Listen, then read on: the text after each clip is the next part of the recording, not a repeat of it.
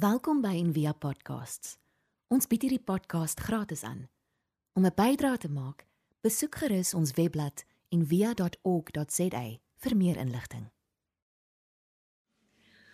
Goeiemôre almal, dis vir my lekker om vanoggend saam met julle hier by Envia te wees. Ek sit natuurlik in Pretoria en ek vermoed die meeste van julle in Kaapstad. Maar nogtans is dit heerlik om te dink dat dit moontlik is met tegnologie. En uh andersins het Peer gesê sou dit nou vandag baie moeiliker gewees het. Die ding waaroor ek vanoggend graag met julle wil gesels is die misterie van Paasfees of wat in Engels genoem word the Paschal Mystery. En ek dink een van die goed wat ons van die begin af weet as dit gaan oor Lent of dit gaan oor Lydenstyd, dan is Paasfees altyd 'n ongelooflike tyd van die spirituele betekenis. So dit beteken nie ander tyd van die jaar is is nie so nie, maar op 'n baie besondere manier tydens lydenstyd en lent fokus ons regtig op hierdie diep spirituele waarde van die pad wat Jesus vir ons gestap het. So as ons praat oor die die Paasmisterie of dan die Paschal Mystery, waarvan praat ons? Net tradisioneel praat mense eintlik net van van drie momente tydens Jesus se lydingspad. Die eerste sou wees Jesus se lyding, So die tyd van donderdag tot by die kruis en dan Jesus se tyd aan die kruis en sy sterwe en dan ook die opstanding. Nou die interessante as mens nou praat oor die die misterie van Paasfees en en mense sê dit gaan eintlik net oor Jesus se lyding, sy sterwe en sy opstanding. Dan kry mense baie gelowiges wat sal sê, maar ons is mos kinders van die opstanding. Ons is mos kinders van die lig. En dit beteken ons lewe deur die gees van God en dit is beslis so. Maar ek dink die dilemma is as 'n mens selfs in jou eie lewe te vinnig en te maklik net fokus op die opstanding en net fokus op die feit dat ons leef deur die krag van die Gees, dan beteken dit dat 'n mens sekere noodsaaklike dele van hierdie pad van Jesus, van sy lydingspad agterweë laat, ook in jou eie lewe. So as mense sou sê ja, ons is kinders van die opstanding, dan is die vraag noodwendig, hoe het mens by die opstanding uitgekom? En dit was beslis nie 'n maklike pad nie. Dit was 'n baie moeilike en 'n en 'n pynlike pad. Nou hier oorskryf Ronald Rolheiser en hy hy sê dit vreeslik mooi. Hy sê we pay lip service to the fact that the key thing Jesus did for us was to suffer and die. But we seldom really try to understand what that means and how we might appropriate this within our lives. So ja, Men is 'n deel van die Christen evangelie om te sê Jesus het vir ons sondes gesterf en hy het vir ons opgestaan, maar wat wat daarvan? Wat beteken dit nou eintlik? So wat beteken dit nou eintlik as ons sê Jesus het gesterf en Jesus het opgestaan? En ek dink wat ons tradisionele antwoord sal wees is iets soos om te sê ja, dit is belangrik Jesus het gesterf en Jesus het uit die dood opgestaan sodat ons wanneer ons eendag doodgaan, nie hel toe gaan nie en dat ons daarmee hemel toe gaan. Nou, ek dink dit is die tradisionele manier hoe mense dink oor die hart van die evangelie, maar ek dink ook dit is 'n uiters verskraalde manier om daaroor te dink. As jy dink dat of as 'n mens dink dat jy net in Jesus moet glo, ter wille van die feit dat hy vir ons gesterf en opgestaan het, dan is die implikasie dat ons eintlik met 'n ongelooflike skraal en amper oppervlakkige siening van Jesus se pad leef. So dit is so dat Jesus vir ons 'n brug kom slaan het. Jesus het vir ons 'n pad gemaak na God toe.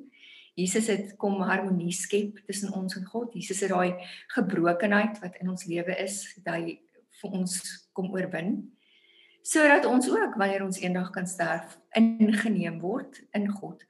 Maar daar's ook 'n groter implikasie. 'n Baie groter implikasie van hierdie pad wat Jesus gestap het. En dit is dat Jesus in in elke opsig vir ons die weg en die waarheid en die lewe wil wees. So Jesus het vir ons 'n sekere pad kom leef deur sy eie lydenspad wat dit in ons lewe moontlik maak en dat ons kan sien hoe hierdie pad wat Jesus vir ons kom wys het ook in ons eie struggles en in ons eie lewe kan ontvou. Hierdie siklus van die Paasmisterie impliseer dat 'n mens in jou verhouding met die Here nooit arriveer nie. So dis nie asof jy op 'n punt begin en by 'n spesifieke punt eindig nie. Dis 'n siklus. En die implikasie van 'n siklus is dit gebeur elke keer oor en oor, maar elke keer stap ek hierdie pad so 'n bietjie op 'n op 'n dieper manier, sodat ons uiteindelik werklik gesonde en heel mense kan wees in terme van ons verhouding met God, maar sommer net in alle aspekte van ons lewe. So as 'n mens nou sou sê dat tradisioneel is die Paasmisterie basies Jesus se lyding, sy kruisiging en sy sy opstanding, dan gaan Ronald Rolheiser verder en hy bou dit so 'n bietjie uit en hy sê nee, daar's nie net 3 momente nie, daar's eintlik 7 momente. So kom ons kyk bietjie daar op die skerm, ehm um, wat hierdie 7 momente sou wees. So eerstens sê ons dit begin by die tuin van Getsemane waar dit van my 'n oorgawe vra aan God se wil. En tweedens is dan Goeie Vrydag wat gaan oor lyding en die verlies van lewe. En dan kry ons Stil Saterdag wat 'n tyd is van treur, van wag, van misterie en ook van transformasie. En dan staan natuurlik Paas Sondag, die deurbreek van nuwe lewe Maar dan hou dit nie daarop nie. Dan het ons die 40 dae na Paasfees. 'n Tyd van aanpassing by 'n nuwe era en die, die tyd van onsekerheid en 'n verlies oor dit wat verby is. En dan kry jy mense hierna die punt van hemelvaart waar jy moet laat gaan wat verby is, waar jy moet sien wat goed was en leer om aan te beweeg. En dan is die laaste punt, die punt van Pinkster waar ons die gees ontvang vir die lewe wat jy reeds leef. So in Rolheiser se woorde skryf hy beskryf hy basies hierdie siklus so as ons dit in Engels lees die volgende volgende slide. Surrender your will and dreams and hopes to God. Name your deaths. Wait in silence and expectancy for God to do something new while grieving what you have lost. Claim your births Let go of what you have lost. Be blessed by your past and adjust to the new reality. And accept the spirit of the life that you are in fact living. So as ons so so klein bietjie kan stil staan by wat die praktiese implikasie van elkeen van hierdie punte in ons lewe is. Dan is die heel eerste punt natuurlik die punt van oorgawe in die tuin van Getsemane. Nou die teks wat uh, Peer vir ons gelees het is natuurlik die teks wat hier oor gaan. En ek dink dis vir my persoonlik een van die heel moeilikste tekste. Gewoonlik met Heilige Week wanneer 'n mens op die donderdag aand daai teks lees, is dit vir my ongelooflik pynlik om daai daai teks te lees omdat dit iets sê van Jesus se verraad, sy sy verraad van die mense wat hy op die diepste vertrou het. Maar in die eerste plek nooi die Paasmisterie ons na die tuin van Getsemane. Na die plek waar ek sal beheer oorgee van my eie agendas. Waar ek sal sê, Here, nie my wil nie, maar U wil. En die implikasie van dit is is dat ek by 'n plek sal kom waar ek nie meer probeer leef vanuit selfbeskikking nie, maar waar ek eintlik maar die die agenda van my ego sal abdikeer. Dat ek sal sê ek weet hierdie pad wat u miskien van my vra is nie 'n maklike pad nie. Maar as dit u pad is vir my, dan is ek bereid om te stap. En dan deel van hierdie oorgawe van die tuin van Getsemane is dat ons gekonfronteer word met ons eie vrees vir oorgawe, soos Jesus met sy eie vrees vir sterf gekonfronteer word hier. Baie van ons het op 'n manier hierdie vraag van sê nou God se plan vir my lewe is slegter as my eie plan vir my. En ek dink baie van ons het so half hierdie idee van immediate gratification. So die oomblik as ek myself aan aan God oorgee, En as ek sê Here nie my wil nie my wil vir my lewe nie, maar U wil, dan verwag ons dat God se wil vir ons lewe onmiddellik op die tafel moet wees en ons wil onmiddellik weet wat ter sprake is sodat ons ten minste kan weet ons is ek nou in of is ek nou uit. Terwyl God waarskynlik veel eerder werk met prosesse van lewe. So die eerste uitnodiging van die Paasmisterie is hierdie hierdie oorgawe van die tuin van Getsemane. En dan die tweede punt van die Paasmisterie is natuurlik die Vrydag van Jesus se kruisiging waar ons leer dat God lewe kan bring uit die dood. Dis hier waar ons gesterf gekonfronteer word met dinge wat in ons lewe gesterf het of met dinge wat besig is om te sterf of met goed wat veronderstel is om te sterf.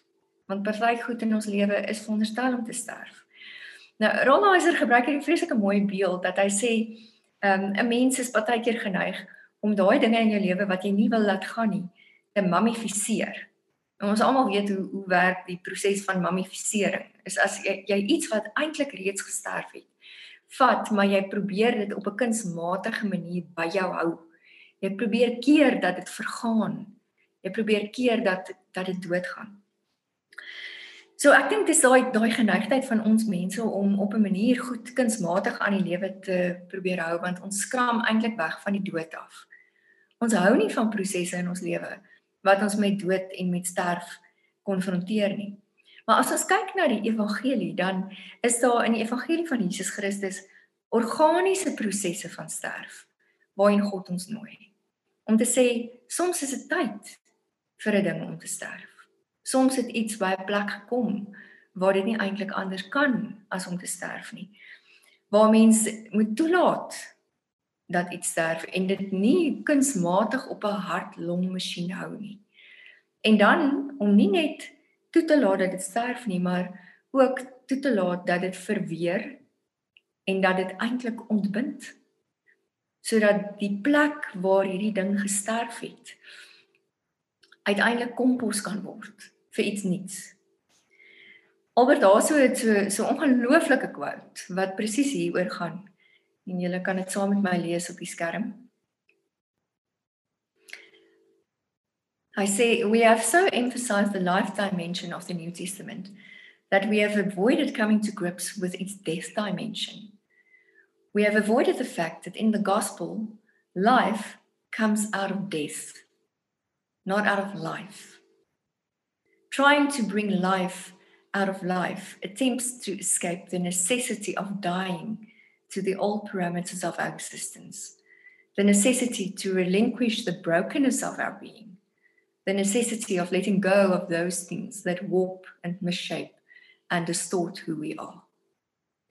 So hierdie ongelooflike gedagte dat ons kan nie eintlik by die lewe uitkom nie. Ons ons kan nie by die lewe uitkom wat God bedoel het as ons nie bereid is om deur die dood te gaan nie. En daar's baie gelowige mense wat sal sê ek wil die lewe hê, maar ek is nie noodwendig bereid om die pad te stap wat my deur die dood vat nie. 'n Vriend van my sê altyd sometimes we have to allow one thing to die so that something else can live. En die probleem is dat dikwels in 'n mens se verhouding met die Here in jou eie lewe As daar sekere sterwensprosesse is wat moet gebeur, gaan jy dit nie regkry met 'n positiewe houding nie. Jy gaan dit nie regkry met 'n bietjie terapie nie. As 'n ding moet dood, dan moet hy dood. En dan help dit nie dat mense kunsmatig aan die lewe hou of dit mummifiseer nie. En ek dink een van die groot dilemma's met baie gelowiges is dat hulle oortuig is of dat ons oortuig is dat ehm um, swaar kry en prosesse van sterf nie deel is van God se pad met ons nie. En as mens kyk na die Paasmisterie, dan is dit 'n integrale deel van God se pad met ons. En dit bring ons uiteindelik by Stil Saterdag as die derde moment van die Paasmisterie. Stil Saterdag is 'n natuurlike interessante een, maar daar staan niks in die Bybel oor Stil Saterdag nie. Maar ons weet dit is daai 24 uur uh van dat Jesus gesterf het totdat ons dan lees dat hy opstaan uit die dood. Wat mens mooi moet besef is wanneer die disippels hulle self op hierdie Saterdag bevind, dan is hulle hulle glo hulle is aan die einde van die pad. So vir hulle is stil Saterdag is 'n dag van afskeid en van verlies en rou. En nou weet ons wanneer daar wanneer iets gesterf het of iemand gesterf het, is daar 'n oorgangstyd wat gekenmerk word deur afskeid en verlies en rou. Ek dink in hindsight weet ons in die Christendom dat stil Saterdag vir ons ook 'n tyd is van afwagting. Vir die disippels was daar geen afwagting nie. Vir hulle was dit die einde van die pad. Hulle is gekonfronteer met hierdie afskeid en verlies en rou. En daarom ook die idee dat ons iets moet vaarwel toeroep, dat ons iets moet laat gaan, En dit beteken dat ons op stil Saterdag, die stil Saterdag moment in ons eie lewe, deur daai vallei van ontnigtering moet gaan. Deur die teleurstelling en dinge moet sien vir wat dit is. Stil Saterdag herinner ons dat ons nie om die pyn in ons lewe kan kom nie. Ons moet daardeur gaan. En daar's net een manier en dit is daardeur. deur die afskeid, deur die verlies, deur die routyd. En dis dan die ongelooflike ding om te besef wat tussen die dood en die lewe lê is die stilte van die oorgang en die deurgang na 'n nuwe tyd in ons lewe. En dan is Paas Sondag natuurlik die vierde moment. Ehm um, ek meen mense wil sou al sê as jy die Paas verhaal lees, ons ken dit nou al so goed. Maar as jy mooi hierna kyk dan dan jy amper sê en daar gebeur Paas Sondag toe bo alle verwagting. Against all odds. En 'n mens is so aan Paas met die lig deurgebreek. En ek dink baie keer verwag ons dat dit in ons eie lewens ook so sal sal wees dat die lig met eens sal deurbreek dat uiteindelik is die swaarte kry nou verby en hier begin 'n nuwe lewe. Maar ek weet ook en ons almal weet dit dat hierdie deurbreek van nuwe lewe gebeur nie met eens nie.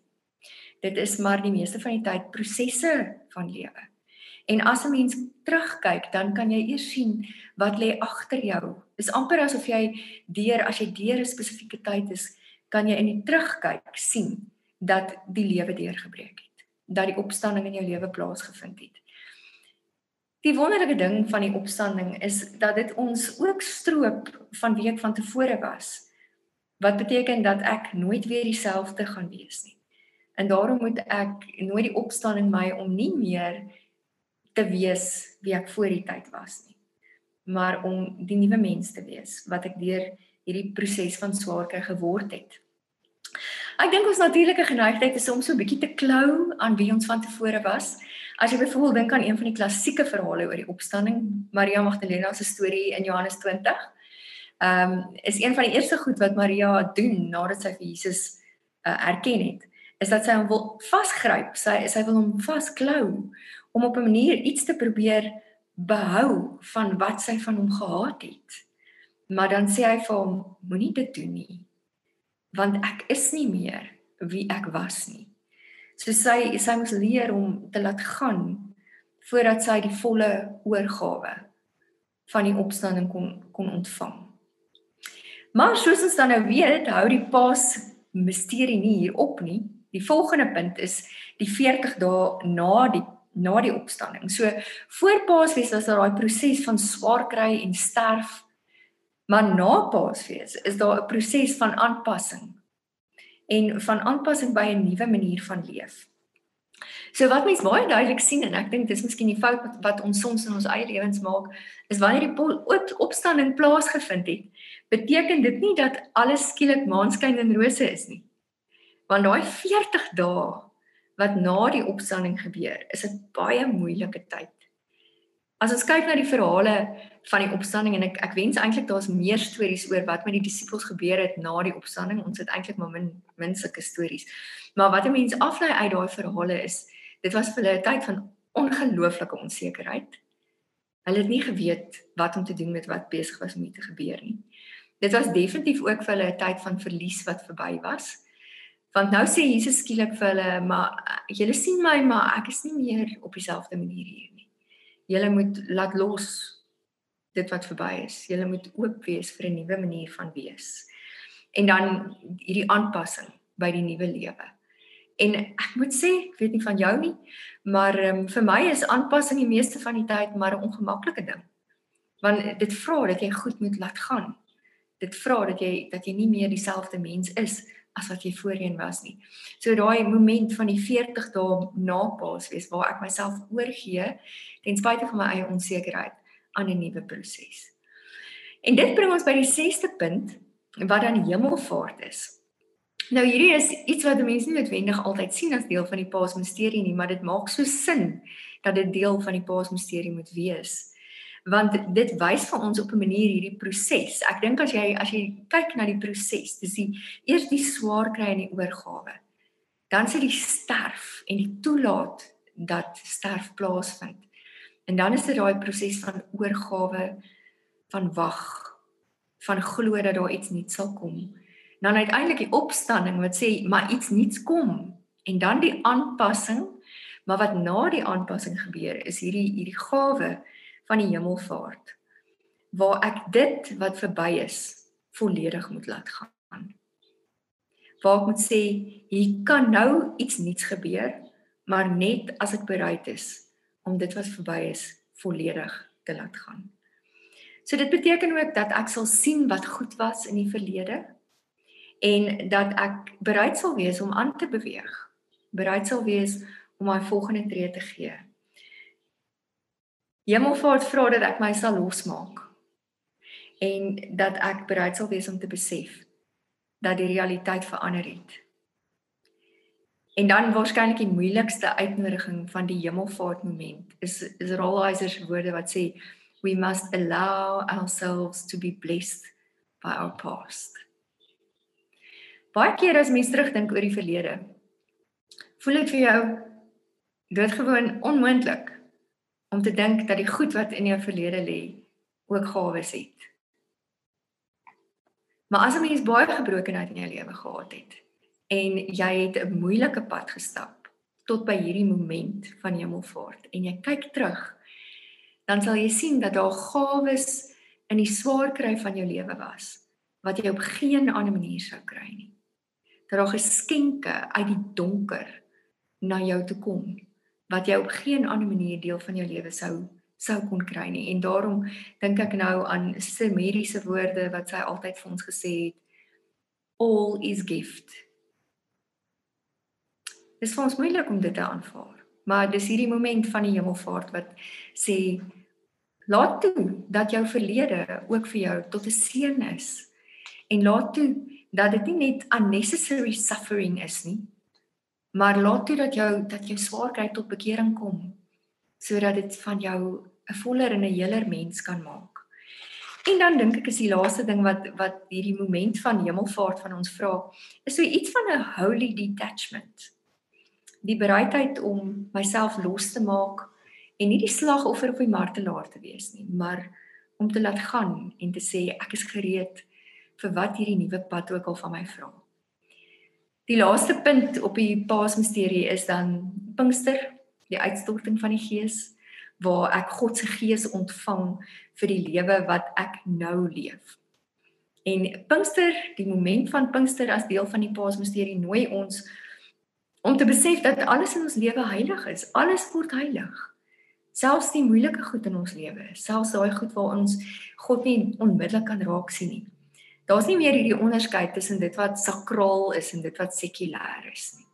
Want as God in alles is, dan beteken dit alles word heilig. Ook die gebrokenheid van my verlede. En dan kan ek myself oopstel om 'n geleier te wees van die goddelike energie, ehm um, van die gees van God en om ingetrek te word in die in die kragveld van God. In 'n wonderlike manier bring hierdie moment van Pinkster waar ek oop is om God se gees te ontvang my na die Here. Dit maak my los van dit wat in die verlede gebeur het en dit bevry my van my vrese oor die toekoms want dit sê is ek bereid om in hierdie omstandighede nou en hier God se gees te ontvang vir die lewe wat ek nou leef. Nie vir die lewe wat ek veronderstel was om te leef nie. Nie vir die lewe wat ek gehoop het ek eendag gaan leef en wat toe nou nooit gerealiseer het nie. Maar vir die lewe wat ek nou leef. Nou as ek 'n paar praktiese voorbeelde kan noem. Die vrou van 49 wat graag wou trou en wou kinders hê. En toe nooit getrou het nie en nooit kinders gehad het nie. Hierdie moment van die Paasmisterie nooi haar om God se gees te ontvang vir die lewe van 'n vrou van 49 wat wou trou en wou kinders hê, maar dit het nooit gebeur nie. En om te sê dat sy die gees van God ontvang vir hierdie lewe. Of die voorbeeld van die jong man van 28 wat 'n kwadripleeg is na 'n ongeluk wat vreeslik graag 'n beroemde rugby speler sou wou word om oop te wees om die gees van God te ontvang vir die lewe van 'n jong man van 28 wat 'n kwadropleeg is wat nooit 'n rugby speler gaan word nie. Of 'n ou tannie van 84 wat alleen in 'n woonstel bly nadat haar man dood is en wie se drie kinders oor die wêreld versprei is. Sy kan bitter wees daaroor of sy kan die gees ontvang vir 'n vrou van 84 wat alleen in 'n woonstel bly, wie se lewensmaat dood is en wie se drie kinders oor see bly. As jy vir jouself sou vra, wat is die realiteit van jou lewe nou? En jy sê ek is 'n vrou of ek is 'n man en jy, jy beskryf jou lewensomstandighede nou. Is jy bereid om die gees van God te ontvang vir hierdie lewe wat jy nou leef? Dit is uiteindelik waar die misterie wees ons wil aan te kom. Dat ek in elke siklus van my lewe weer en weer deur hierdie siklus gaan, maar elke keer dieper, elke keer op 'n ander manier, sodat ek uiteindelik God se gesonde, heel, geïntegreerde mens kan wees. Dat ek 'n mens kan wees wat met wysheid leef en wat agterkom selfs al gebeur hierdie proses oor en oor al gaan ek elke keer weer deur die lyding deur die sterf deur die stilte en die wag deur die opstanding deur die onsekerheid en die aanpassing deur die aanvaar van die gawes van 'n nuwe fase kom ek altyd weer uit by die punt waar ek God se gees ontvang vir die lewe wat ek op daai stadium leef. Ek hoop dat elkeen van ons in hierdie volgende 6 weke van lent regtig kan oop wees vir die wonderlike misterie van Paasfees en vir die praktiese manier hoe God dit graag in ons lewe wil laat uitspeel. Amen. Kom ons bid saam. Here, dankie dat U in die volste sin van die woord vir ons die weg en die waarheid in die lewe is en nie net in 'n tradisionele sin waar ons vashak by die feit dat ons sonnaarskool antwoord gee en sê ons weet u het vir ons gelei en gekruisig en u het vir ons opgestaan nie maar dat ons op 'n baie diep manier met die misterie van Paasfees in hierdie pad saam met u kan lewe. Here ons bid dat u ons sal help om te sien hoe u elke tree van ons lewe elke keer deur hierdie siklus oor en oor saam met ons die pad stap sodat ons elke keer weer op 'n dieper, voller plek kan kom waar ons die Gees kan ontvang vir die lewe wat ons nou leef. Mag hierdie tyd van lydenstyd en lent 'n geseënde tyd vir ons elkeen wees. Amen. Baie dankie Marie. Marina daai ehm uh, ek weet dit my regtig baie diep geraak. Jy laat my huil. Maar eh uh, dit was baie goed. Dankie. Jy is jy is so ongelooflik. Dit is regtig 'n groot seën. En vir almal wat ingeskakel het, ek sien 'n vreemde gespaar gesigte daai Pretoria uit van my familie wat ingeskakel het. so dis lekker om julle almal te sien. Ek gaan sommer vir ons die seën uitspreek. En uh, dan is jy welkom om te bly om nog so 'n bietjie te kuier en sommer net hallo te sê en te sê hoe gaan dit of jy kan maar net uh, waai en dan uitcheck. So hou jou hande sommer so uit en dan spreek ek vir ons die seën uit. Mag jy my hande. Mag jy in hierdie tyd regtig besef dat die pad na die lewe deur die dood lê en nie om dit nie. En mag jy die die misterie van Paasfees regtig diep diep omhels in jouself. En mag jy soos Marina gesê het ook en soos God self sê die Gees ontvang vir die lewe wat jy nou leef. In die naam van die Vader en die Seun en die Heilige Gees. Gaan in vrede. Amen. Ons hoop van harte jy het hierdie podcast geniet of raadsaam gevind. Besoek gerus en via.ok.za vir meer inligting.